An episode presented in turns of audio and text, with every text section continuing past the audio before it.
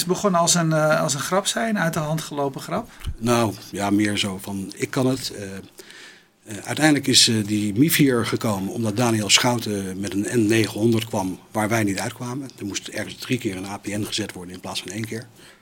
En toen dachten we, nee, dit kunnen we niet. We kunnen niet allerlei mensen sims in handen gaan duwen en zeggen van zoek het uit.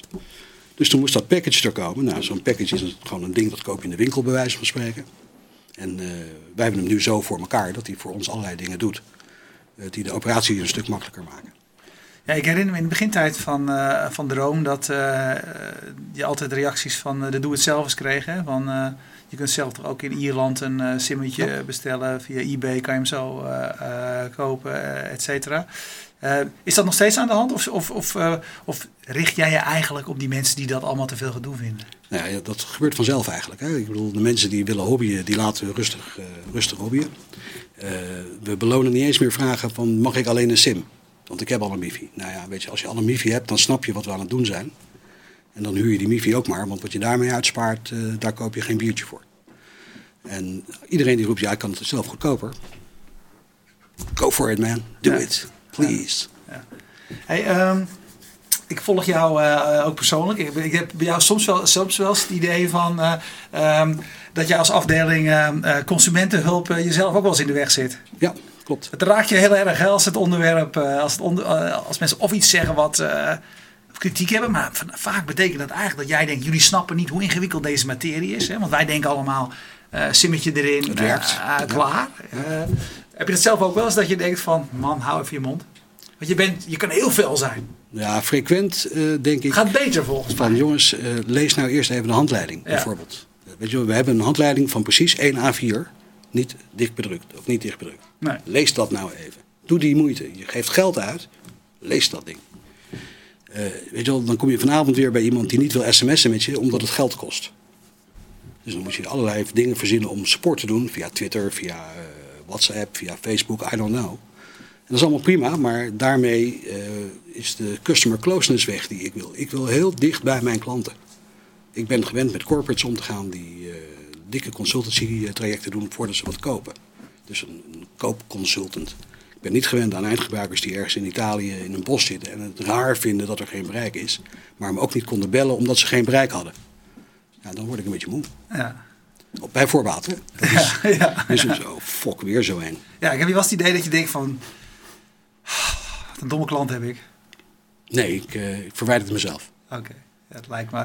Maar het ingewikkelde voor jou is inderdaad wel. Het is een beetje hetzelfde als we hadden hiervoor een, uh, een gesprek en het ging over televisie. Wat ik zelf eigenlijk wil zeggen, uh, mensen zei is van als je. Uh, als je bijvoorbeeld, ik heb een omroep verleden, als je, als je ehm, uitzending verzorgt en er is een storing op televisie, dan heeft UPC het gedaan. En als bij internet hetzelfde gebeurt, dan gaat men er per definitie uit dat jij het hebt gedaan. Bij jou geldt dat eigenlijk ook een beetje. Want jij, wat je doet is, je hebt die kaartjes, lokale kaartjes erin zitten.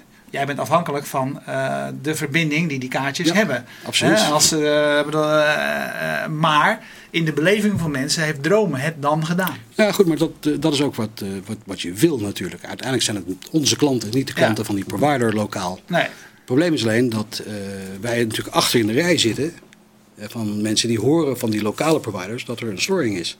Dus wij moeten het van onze klanten horen. Hè, dat zijn ook nog maar betrekkelijk weinig, dus dat is ook logisch als je het van hun hoort. Uh, maar het is lastig om, uh, om follow-up te doen uh, ergens diep in Italië als iemand niet kan internetten opeens. En dan vergeet te vertellen dat hij naar een heel andere bestemming is gereisd in die dag. Hm. Dus dan ben je al uren achter de feiten aan het aanlopen voor een artikeltje wat 65 euro oplevert. Nou, je ziet de buien al hangen. Uh, dat kun je niet blijven doen. Nee. Heb je wel spijt van dat je echt in, die consument, in, in de consumentenoplossingen bent gaan zitten? Mm, nou, spijt niet. Ik, ben, uh, ik vind het jammer dat ik mijn belly feeling niet heb gevolgd toen we besloten dit te gaan doen. En wat was dat gevoel? Uh, ga niet in zee met iemand die achter de consument aan wil. Ik, ik wil al vanaf dag één in feite internationaal. En de, de schaal die je in Nederland kunt halen is heel beperkt eigenlijk. En laten we wel wezen, er zijn op, op Hoeveel smartphones zijn er? 5 miljoen? Zoiets? 4? Mm -hmm. Nou, reken maar mee. Die gaan op zomervakantie gaan naar een miljoen stuks. Of 2 miljoen stuks misschien tegelijk. Hoeveel daarvan zouden zo'n ding kunnen gebruiken? 2 miljoen stuks. Want ze hebben allemaal last van hetzelfde. De helft zet hem uit. Dan hou je 1 miljoen over. Zo, zo hebben we zitten rekenen. Hè? Ja. Nou, eh, dan zijn er 1 miljoen mensen op vakantie in het buitenland die zo'n ding zouden kunnen gebruiken. Waar evident van is wat die oplevert. Namelijk heel veel besparing als je wil internetten. Ja. Nou goed, van die miljoen gaan er de helft eraf die zeggen nee, dikke lul, ik eh, internet niet in mijn vakantie. Want dat is werk. Die zijn er ook nog, hè, die Ja. mensen, heel veel. Dus eh, dan heb je er 500.000 over. Nou, dan mag jij mij vertellen in die eerste business planning cycle voor de eerste 12 maanden, hoeveel van die 500.000, waarvan er 200.000 twitteren, nemen zo'n ding mee. ja, beperkt. Want dan krijg je ook nog campings erbij die eh, inmiddels in de... In de... Nee, die, die cyclus hebben we gehad. De gratis wifi wordt Ja? alweer verdoemd, want die is nooit sterk genoeg. Oké. Dat, dat was een jaar terug. jij zegt, ik- ik het afgelopen jaar ja. wist iedereen dat de wifi in op de Franse campings en zo, dat het allemaal kloten was. Dus, Dat ja. wisten ze. Ja. Dus van die 500.000 smartphones die in de maanden juli, augustus op vakantie gaan, hoeveel krijg ik er als klant? Als ik eh, me op Twitter goed manifesteer en eh, we doen veel aan customer service, bla bla bla bla. Consumentenbond heeft een, een stukje geholpen natuurlijk. Hoeveel klanten krijgen we dan? Dus doe mijn businessplan voor me. Tell me. Ja, weet je, jij hebt het allemaal, jij hebt het allemaal uitgerekend. Nee, nee, ik heb het, ik heb het meegemaakt. Jij mag het, jij mag het voorrekenen. Jij bent een slimme vent. Kom Ja, op. nou ja, weet je, eh, ik denk inderdaad dat het maar een hele kleine groep is, eerlijk gezegd. Ja, maar eh, van- klopt. Eh, Welk, welk deel van 500.000 is heel klein? nou, ik denk, als, ik denk als je de 10.000 zou halen, dat je, een goede, eh, dat je het goed doet. Oké, nou, we hebben er nog geen 20% van gehaald. Ja, Dus nog geen 2000. En dat betekent, midden in de zomer, hè, dat betekent gewoon dat de penetratie te laag is. En de enige manier waarop je dat kunt eh, veranderen is of je aanbieding veranderen, of je marketing, of beslissen een markt niet te doen. Nou, en wij hebben eigenlijk besloten dat we niet eh, die eenduidige consument eh, willen. nee. Dus we gaan ook de prijzen verhogen. Dat is tegendraads in welk businessmodel dan ook. Maar waar dit ding 65 euro voor vier weken kostte van de zomer, gaat hij nu 100 euro kosten. Voor een week wordt hij goedkoper. Dus al die korte mensen die heel vaak dat ding meenemen, gaan minder betalen. Maar de mensen die hem de hele vakantie meenemen, of omwille van het feit dat ze voor 30 dagen hebben betaald, 30 dagen houden, want dat gebeurde ook heel veel. Eh, ja, hebben wij gezegd, dan maken we dat wat duurder.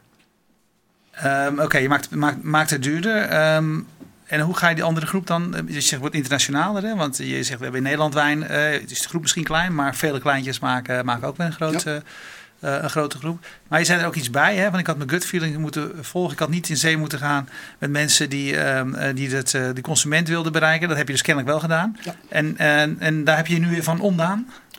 Eh, daar, daar lijkt het wel op, laat ik het zo stellen. Dat is een juridisch, dat is een juridisch gevecht. Nee, nee, helemaal niet. Het is praktisch en pragmatisch eh, besloten om dat zo te regelen. Ja, Weet je, het, het stelt je voor een probleem dat je op een gegeven moment moet je verder. Eh, en de beslissing eh, is gewoon genomen, we gaan dat op een andere manier doen. Ja, en de andere manier wordt internationaler, eh et cetera. Ehm, hey, jij, ehm, als ik je volg op Twitter, dan ehm, ben je ook iemand met veel mening eh, en ideeën over start-ups, start-up cultuur, et cetera.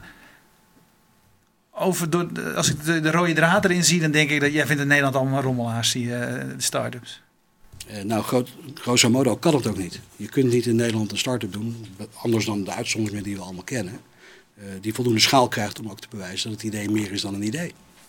Omdat En- Nederland klein is? Nou, de Nederlandse markt is klein. De, de ondernemers die worden gecreëerd in Nederland, op een enkele uitzondering na, eh, denken in termen van Nederland. De financiers denken in termen van Nederland. Als je grosso modo een Nederlandse financier aan deze tafel zet, tien stuks, dan zeggen ze allemaal eerst in Nederland bouwen en dan pas naar het buitenland. Als je daar allemaal buitenlandse investeerders naast zet, dan zeggen ze, we'll invest in you, but get it out of this country quickly. En daar is een reden voor, omdat eh, de, de markt is hier veel te, eh, veel te eh, cannibalistisch. Je wordt als start-up opgegeten door je klanten. Je krijgt niet de ruimte om te doen wat je moet doen.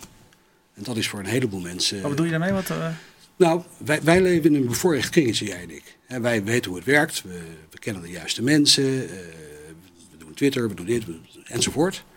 En wij kunnen ons prima handhaven. Maar een heleboel van die start-ups die hebben geen idee hoe de werkelijke commerciële wereld eruit ziet. En in Nederland wordt ook voorkomen dat ze dat in hun opleiding krijgen. In failliet mag je hier niet gaan. Dat is een, een superfout. ja. Niemand leert wat. Een faillissement leer je. Ik bedoel, bij ons in Amerika is het natuurlijk zo dat chapter 11 is geen zonde. Als je hier failliet gaat ben je in feite al kansloos. Dus de mensen die het durven te doen eh, zijn heel degelijk ook. Er worden weinig risicovolle start-ups gedaan. Waar veel geld in gaat. Het gebeurt gewoon niet. Nee. Dus En, wat jij zei is ook waar, hè? Wat je, wat je, als ik de Amerikaanse eh, voorbeelden lees, wat daar angels genoemd worden, eigenlijk waar zou je kunnen zeggen, we stoppen wat geld in, we zien wel wat eruit komt, Ja. wordt hier eigenlijk gezien als een, eh, is echt een forse investering. Met en als een, eh, dwaas met name. Ja, Ja. En dat is jammer, want ja, je, je creëert alleen maar een, een risicodragende maatschappij als je ook risico neemt. En, en wij, wij zijn als Nederland Calvinistisch genoeg daar niet, eh, niet voor gemaakt. ja. Dus de meeste start-ups in Nederland worden ook opgegeten door die mentaliteit. Als je als start-up van de medewerker af wil, nou, de, de drama's die die ik meemaak, die wil je niet weten. Want die hebben dezelfde rechten als iemand die werkt bij een bedrijf dat 100 jaar oud is. En da- dan kan er wel gesteld worden van, ja, dat hoort zo. Maar in alle, allerlei andere landen waar de start-ups wel makkelijk van de grond komen, eh, zijn ook mensen die per se voor een start-up willen werken. Per se met minder voorwaarden, met minder dit, met minder dat. Ja. In de hoop die home run te mogen slaan. En gemiddeld spreek je Nederlandse ondernemers, dat woord home run komt niet in de vocabulaire voor. Nee. Niemand wil een home run. Wij zijn met een honkslag tevreden en nog één. Dus ja, dan wordt er niet het grote risico genomen. En iedereen kan je vertellen dat als je niet grote risico's neemt. Ook geen grote succes haalt. Nee. Precies. Maar het is dus niet zozeer het, de- dat ons land klein is, maar het is eigenlijk de cultuur die Nou, ja, remt. je hebt dezelfde cultuur in België. Het, Dus het heeft wel met grootte te maken, denk je. Ja, voor een deel dezelfde cultuur ook in Duitsland. Ik bedoel, waarom komen er alleen maar start-ups uit Berlijn? Hè, Kijk, de, de laatste rooster van Duitse start-ups, Berlijn. Berlijn had geen cultuur meer na de Stasi, zeg maar. Ja. Dus daar is een heel ander soort eh, mentaliteit ontstaan ten Ja. opzichte van ondernemers. Dat werd bewonderd een gegeven moment. Dan zou je zelf nog kunnen zeggen daar dat, het eigenlijk nog een, dat eigenlijk Berlijn nog een Europese eh, eh, cultuur is geworden. Want dingen als Soundcloud, et cetera, zijn zelf nog weer Scandinavisch. Maar kennelijk was er in, dat, in die stad veel mogelijk. Was er ruimte. Ja. Eh, letterlijk en figuurlijk eigenlijk. Ja, klopt. Ja. En dat, dat is ook precies wat je ziet. Hè. Ik bedoel, de, de, de start-ups die nu in Amsterdam bezig zijn, zijn allemaal met dezelfde dingen bezig. En we zijn allemaal apps aan het bouwen.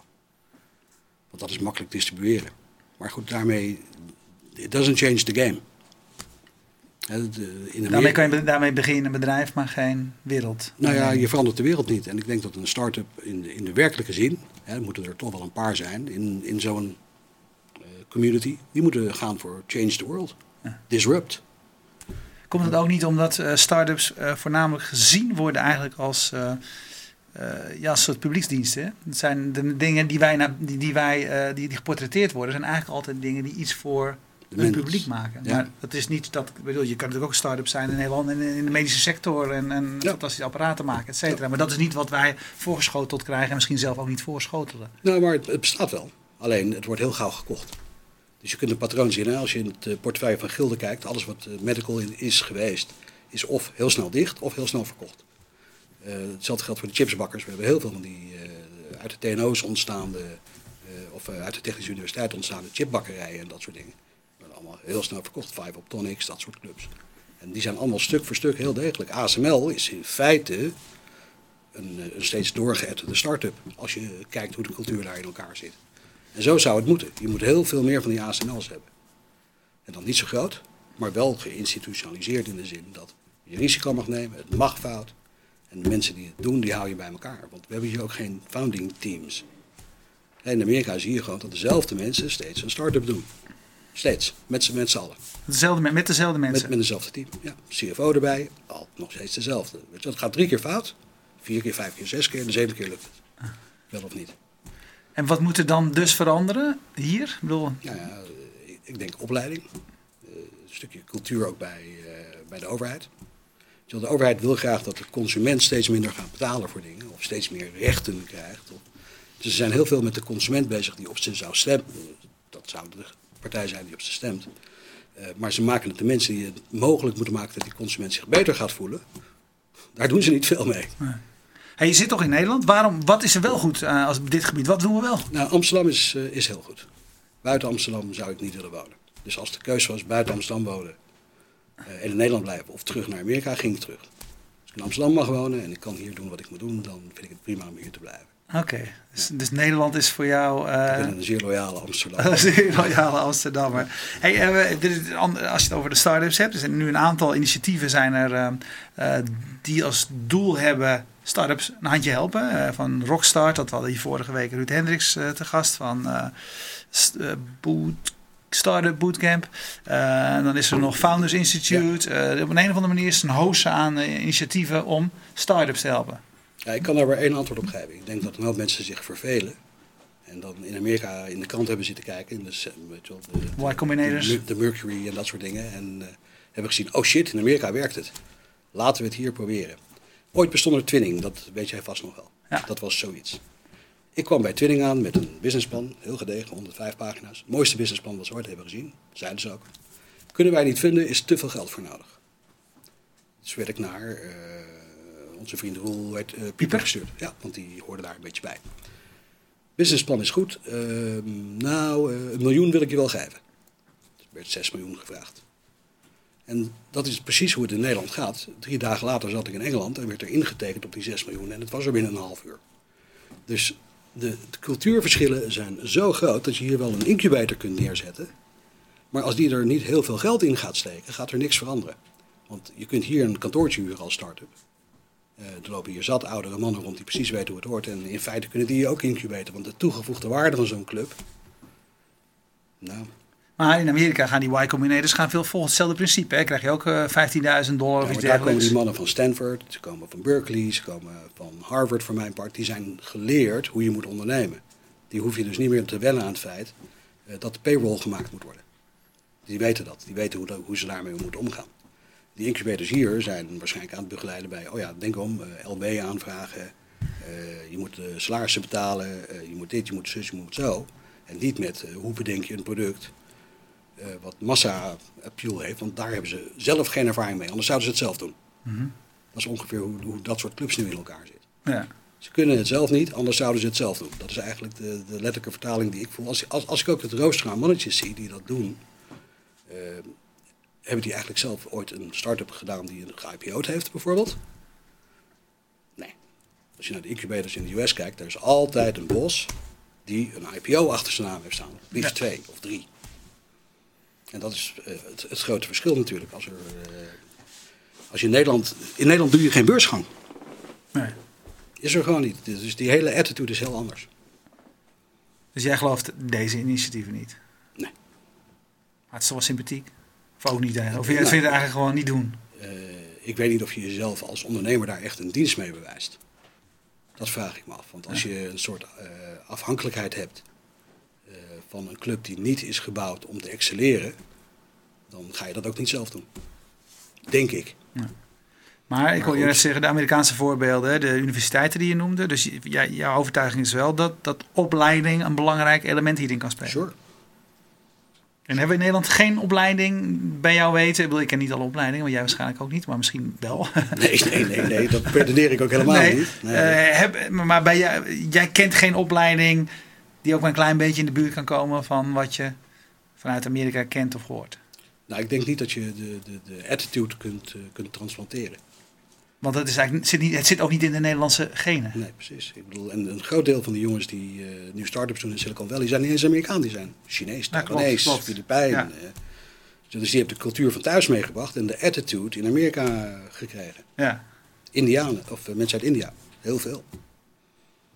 Even kijken, ik pak even wat reacties, want ik dacht, er zal vast al iemand op gereageerd hebben op het laatste gedeelte. Ehm Roos van Vught zegt, onzin, mensen vervelen zich niet. Er is veel schaarste en veel werkveld voor start-ups. Eh twinning is nooit eh, gelukt. Ehm, iemand haakt af omdat je een lofzang doet op de eh, VS en zijn ondernemende cultuur. Eh, daar valt meer over te zeggen en anders naar te kijken. Natuurlijk, er is altijd meer te vertellen over, Sure. over Amerika. En iemand, de heer Alewijn, zegt: waarom woont en werk je eigenlijk nog hier? Beetje zuur vindt hij dat. Ja, je kunt ook net doen alsof je het allemaal hartstikke mooi vindt. Dat kan, maar ik ben er tenminste, naar mijn idee, eh, relatief eerlijk over. Ik eh, vind Amsterdam een prima plek om te wonen. Eh, en ik vind Amerika een prima plek om te werken, eigenlijk. Ja. Maar eigenlijk heb je van- vanaf je achtste daar, of heb je tussendoor steeds eh, in het buitenland ja, je houdt daar natuurlijk een oog op, hè. Ja. Ja. ja. Hey, ehm, ehm, nou ja, de, de, wat is in dit kader, als je ziet hier van, eh, je zegt de start-ups hier willen de wereld niet eh, veroveren, verbeteren, et cetera. Hoe ga jij dat wel doen met Droom? Niet? Dat is ook niet de bedoeling geweest. Weet je, de, de- een, een, een start-up moet volgens mij, maar goed, dat is mijn definitie, iets nieuws creëren. Wij creëren niet iets nieuws. Wij maken gebruik van een, eh, een faciliteit die geboden wordt, die, waar we niks aan hebben uitgevonden. Er is niks bedacht, het is een, een stukje dienstverlening. Ja. En een start-up in de dienstverlening is per definitie een heel ander soort ding dan een start-up die zegt: ik ga een, eh, een nieuwe vorm van, eh, weet ik veel, kristallen ontwikkelen waarmee beeldschermen gebouwd kunnen worden. Basic research-achtige dingen. Ja. ja goed, dat, dat is dit niet. Nee. Dus jij zegt eigenlijk, mijn definitie van een start-up is ook een bedrijf wat een, een groot probleem wil oplossen. Of wat een, een, een, een grote stap voorwaarts wil zetten. Jij zegt eigenlijk hier, ik maak Nou er ja, of, of een kleine stap, maar in ieder geval iets nieuws. Ja. Create, een, iets creatiefs. Dit is niet creatief, dit is een, eh, een briljante handelsoplossing. ja, want waar haal je lol dan vandaan als het niet, het is niet, als het niet creatief is? Waar zit voor jou de, de kick? Ja, nou ja, goed, dat je optimaal gebruik maakt van een gat in de markt, die ook in beide opzichten een gat is. Het is er niet, het kan wel, mensen willen het graag hebben, dus het zou in theorie een heel groot succes moeten zijn. Ja. Maar goed, als ik je net hoor praten, dan zul je niet rusten voordat het ook een succes is. Precies, en daar, daar doe je het voor. Maar die drive zou ik gematcht willen zien bij iemand met technische kennis of eh, metallurgische kennis voor mijn part. Eh, of god knows wat, die wat helemaal revolutionair nieuws verzint. Waarmee ook een venture capitalist een home run kan slaan. Dus niet eh, dat hij er een miljoen ingooit en dat er anderhalf miljoen uitkomt, maar dat hij er een miljoen ingooit. En dat er 50 miljoen uitkomt. Laat dat nou een paar keer gebeuren. En dan heb je 20 of 30 andere start-ups die daarvan kunnen mee profiteren. Zo, dit, wat ik hier doe is bijna destructief. Jij zou er 20.000 euro voor betaald hebben als je het had gedaan. En bij ons betaal je 85. Ja. Dan heb ik dus 20.000 euro min 85 euro gedestroyed. Ja, alleen is bij jou natuurlijk wel zo dat ik die, dat, dat, ik vind altijd vind je rekenvoorbeelden mooi, maar die zou natuurlijk, dat zou niet gebeurd zijn. Nee, nee, goed. Maar Ja, dus- dat is hetzelfde probleem wat je hebt als je een, een, nieuwe, een nieuw soort beeldscherm bedenkt. Als die verkocht wordt, dan wordt er zoveel minder energie gebruikt. Bijvoorbeeld. Ja. Dat is een uitvinding die je moet doen. Als er een start-up komt die zorgt dat eh, alle trams in Amsterdam op tijd lopen, is dat een, fantastisch voor, eh, voor alle mensen die met de tram gaan. Maar dat is puur een nadenkproces. Nou, wat je wil zien is een start-up die nadenken eh, combineert met productie. Hoe produceer ik optimaal? In Wageningen gebeuren heel veel dingen binnen processen die voor andere bedrijven zijn. Dat zijn geen echte start-ups. Nee. Maar dat zou, dat zou de beste plek zijn, denk ik. Mhm. Als je uit Wageningen eh, een, een start-up krijgt die zich gaat bezighouden met eh, andere productie van rijst dan tot nu toe. En er moet heel veel geld tegenaan om het te laten werken. Dan heb je een, een core start-up gebouwd. Ja. Hey, ehm, ik zag een, een, op je site dat je een, eh, een, nieuw soort, een, een, nieuwe dienst, een nieuw product had. Ik kan hem nu een jaar, een jaar meenemen, begrijp ik. Nou, het, het, het is wat anders. Wij ergeren ons ook aan wat er nationaal gebeurt. Hè. De prijzen voor internet gaan een beetje omhoog. Eh, de, het Europees Parlement wil eigenlijk graag dat als jij naar Italië gaat, je hetzelfde betaalt als hier. Dus wat hebben wij gedacht? We combineren onze krachten. We hebben een nationaal abonnement nu erbij. Eh, en die betaal je een jaar vooruit. En daarbij mag je vier weken in het buitenland zonder bij te betalen. eh, gewoon dataromen. Dus, Oké, dus ik heb, een, ik heb een iPad en daar betaal ik. ik heb ooit, omdat ik nou, eenmaal nog weer een nieuw telefoontje wilde. en, eh, Ik heb, ik heb nu twee abonnementen tegelijk lopen bij T-Mobile in mijn geval. En Oh ja. die, die ene heb ik in mijn iPad gestopt. Dus ik betaal iedere maand eh 30 euro of zoiets zeg maar, voor, eh, eh, in mijn, voor in mijn iPad. En dat sms'en doe ik niet en dat bellen doe ik dus ook niet. Want Nee, het zit, eh, zit er niet op, zit, natuurlijk. zit, zit er niet op. Ehm, maar dan kan ik ook bij jou terecht, begrijp ik. Ja. Dat is eigenlijk het idee. Dus in plaats van waar je tot nu toe de partij was eh, waar, eh, waar we mee naar het buitenland gingen, ga je nu ook op de Nederlandse markt Ja, we hebben het zelfs nu zo gemaakt dat eh, je betaalt voor je Nederlandse internet en het buitenland heb je gratis. Dat is eigenlijk waar het op neerkomt. En we hebben niet meer dat geëmmer met heen en weer sturen. Want we hebben heel veel klanten die nu voor de derde, vierde, vijfde keer zo'n ding meenemen. Nou, het is tien keer door de post. Dus het risico dat hij een keer misgaat is best groot. Ja. Koop je je eigen ding bij ons. Eh, je koopt hem voor 400 euro en dan heb je 12 keer, dus 12 maanden, 2 gigabyte per maand. En je hebt 4 gigabyte in totaal in het buitenland te besteden zoals jij wil. Nou, de gemiddelde klant gebruikt bij ons drie, vier keer per jaar zo'n ding. En eh, haalt 2 gigabyte weg. Dus op zich is het een fantastische aanbieding, want eh, ja, dat, dat doe je niet na. Nee.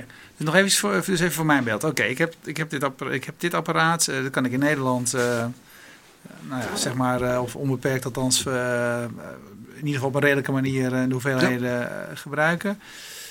En er is, er is een hoeveelheid data die ik in het buitenland kan. Ja, gebruiken. je, je kunt vier keer per jaar of vier weken per jaar bij ons zo'n buitenland drone meekrijgen. Oké, dan moet ik wel een andere hebben. Dan kan ik weer niet deze. Dan moet je alsnog heen en weer sturen. Nou, we sturen dan waarschijnlijk een sim heen en weer. Daar zijn we nog niet aan kan zeggen, want anders heb je het probleem nog steeds niet opgelost. Nou goed, het, het, het, het probleem is geëlimineerd dat daarvoor een borg betaald moet worden. Dat je echt heen en weer moet, want we kunnen hem ook bij je laten. Ja. Het is meer een kwestie van hoe plannen we dit. Ja, en, en, en, en eh, is dat dan alle landen? Of als maakt het uit of ik naar Thailand of naar Amerika Nou, of het, naar het Frankrijk geldt ga? alleen eh, voor Europa. Eh, voor alles wat daarbuiten is kun je gewoon een ding van ons krijgen tegen het gewone tarief, maar hoef je geen borg meer te betalen. En hiervan zeg jij, eh, wie, want eh, dit, dit is, eh, aan de ene kant zei je net, ik ga me op het buitenland te richten, al die, de, de, de buitenlandse reiziger, maar nu kom je tegelijkertijd met een dienst die eigenlijk weer heel erg lokaal gericht Nou ja, is. maar alleen voor consumenten die heel veel reizen in feite. Vier keer per jaar naar het buitenland is voor een hoop mensen veel. Ja, En de mensen die we niet zouden willen bedienen, laat ik het dan zo zeggen, het gebeurt toch wel. Maar de mensen die we niet zouden willen bedienen zijn de één keer per jaar eh, in de zomervakantie weggaande mensen. Want dan werken we mee aan die piek die we hebben gehad. Die is werkelijk immens geweest. De piek van de zomer was eh, onoverkomelijk groot bijna. Eh, terwijl je de rest van het jaar eh, stil lijkt te staan.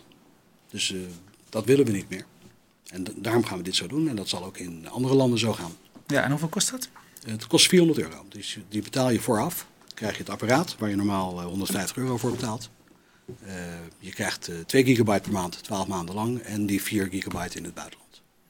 Oké, dus als ik voor mezelf even reken, eh, dus ik die 30, ik betaal nu zeg maar 360, dus dan met 40 erbij heb ik dan ook mijn, buitenland, mijn vier weken Je hebt, buitenland. je hebt het eh, precies gedefinieerd. De, de andere carriers vragen meer voor die 2 gigabyte. Eigenlijk. En eh, die rekenen in het buitenland zwaar mee. Bij ons krijg je de 2 gigabyte voor eh, effectief 50 euro. Dat is eigenlijk waar het neerkomt. Als je hem goed doorrekent, dan eh, heb je voor 200 euro aan buitenland eh, van ons gekregen. Eh, voor 150 euro het apparaat. En dan heb je 50 euro betaald voor 12 maanden 2 gigabyte. Ja, Nou, dat is on- ongelooflijk lage prijs eigenlijk. En dat doen we omdat we ook, eh, ja, we willen heel veel meer consistente klanten. En we willen een, een basis bouwen, eh, zodat we ook verder kunnen. Oké, nou ja, ehm, ik zit nu me nu net te bedenken, ja, moet ik er nou, ik moet eigenlijk natuurlijk ook, ik ga nou ook nog naar Amerika. Maar ja, ik zag hier bin- binnenkomen met, met zo'n zakje, dat is deze misschien voor collega's eh, van Nee, hier in die, het... eh, die, die zit daar nog in. het, Voet- eh, die hier in het, in- het in, het, hier in het pand zitten. En eerst dacht ik van ja, ach, ik heb toch op veel plekken internet. Maar toen werd net als het moment na het van zo'n evenement, denk je toch van ja, maar als ik dan daar, daar buiten sta of in die kroeg sta en ik wil eventjes contact hebben met andere mensen, wat gaan we doen? Dan zit ik straks zonder mijn internet. Nou ja, daar gaan we nog even over nadenken nee, dan. je zit niet zonder, je koopt het alleen heel duur in dan. Ja, ja, dat is waar, dat is waar. Eh, maar goed, ik heb het wel eens vaker verteld. Het was gelukkig in de tijd dat eh, mijn baas daarvoor betaalde, maar dat ik ooit een keertje alleen RSS-feeds checkend. Ik wist toen wel dat het duur was. Eh, maar ik wist, eh, althans ik wist, dacht dat het eh, misschien 200 euro zou kosten. Dat was een beetje mijn inschatting. Ja, ja. Ik heb wel een week lang al mijn RSS-feeds toen eh, gelezen. 4000 euro. Het was 4000, ja misschien was het gulden hoor, dat zou ik eigenlijk nog eh, weten. Maar in ieder geval het Zo was lang, zo lang geleden al. was, ja, het was, ja. was veel. Het was ook in die tijd van zo'n Blackberry. En toen be- be- belde de boekhouder me op en zei. Erwin, eh, ik moet... ehm, ja, in, eh, als het boven een bepaald bedrag is... dan moet ik eh, de directeur informeren. En ik had daarvoor al een blogpost geschreven van... ik ben verslaafd. Dus ik had me al een beetje ingedekt. Maar toen hij zei dat het eh, 4000 euro, of 4000 was... of nou euro's of guldens waren... zat ik toch wel rood te worden achter mijn, eh, achter mijn telefoon. Maar het ergste was... Ik was twee weken op vakantie geweest en dit was van de eerste week. Want het Ja. was de kerstvakantie, dus de tweede, de tweede week moest nog komen. Ja. Maar Ja, goed, maar het gebeurt nog steeds. Hè. Ik bedoel, we hebben regelmatig klanten die met hun telefoon naar Argentinië gaan. En eh, dat is 12,5 euro per MB. Nou, reken maar uit. Laat er aanstaan. Op 12.000 euro. Ja, gebeurt. gebeurt dat nog? Ah, afschuwelijk. Afschuwelijk. Oké, nou ja, goed. Daar heb jij een mooie oplossing eh, voor. Eh dankjewel. Eh en nou, we horen je graag nog een keertje het verder is gegaan met de internationale... Ik kom over een jaartje nog wel weer vertellen. Is goed, heel goed, heel goed. Ja. Oké, dankjewel voor het kijken. Ehm, deze uitzending van Top Names werd mede mogelijk gemaakt door Peter Hazenberg van Videobricks voor de studio. Een, ma- een mail naar info@fastmovingtargets.nl als je geïnteresseerd bent in ook een goede online video oplossing. Uh, Dutchview Webcasting zorgde ervoor dat de stream bij je thuis kwam. Ehm, wie hadden we nog meer? Esther Gons natuurlijk en eh, Marco Rapors die zorgde voor de vormgeving. Mijn naam is Erwin Blom. Kijk ehm, veel meer uitzendingen van topnames online via fastmovingtargets.nl. Bedankt.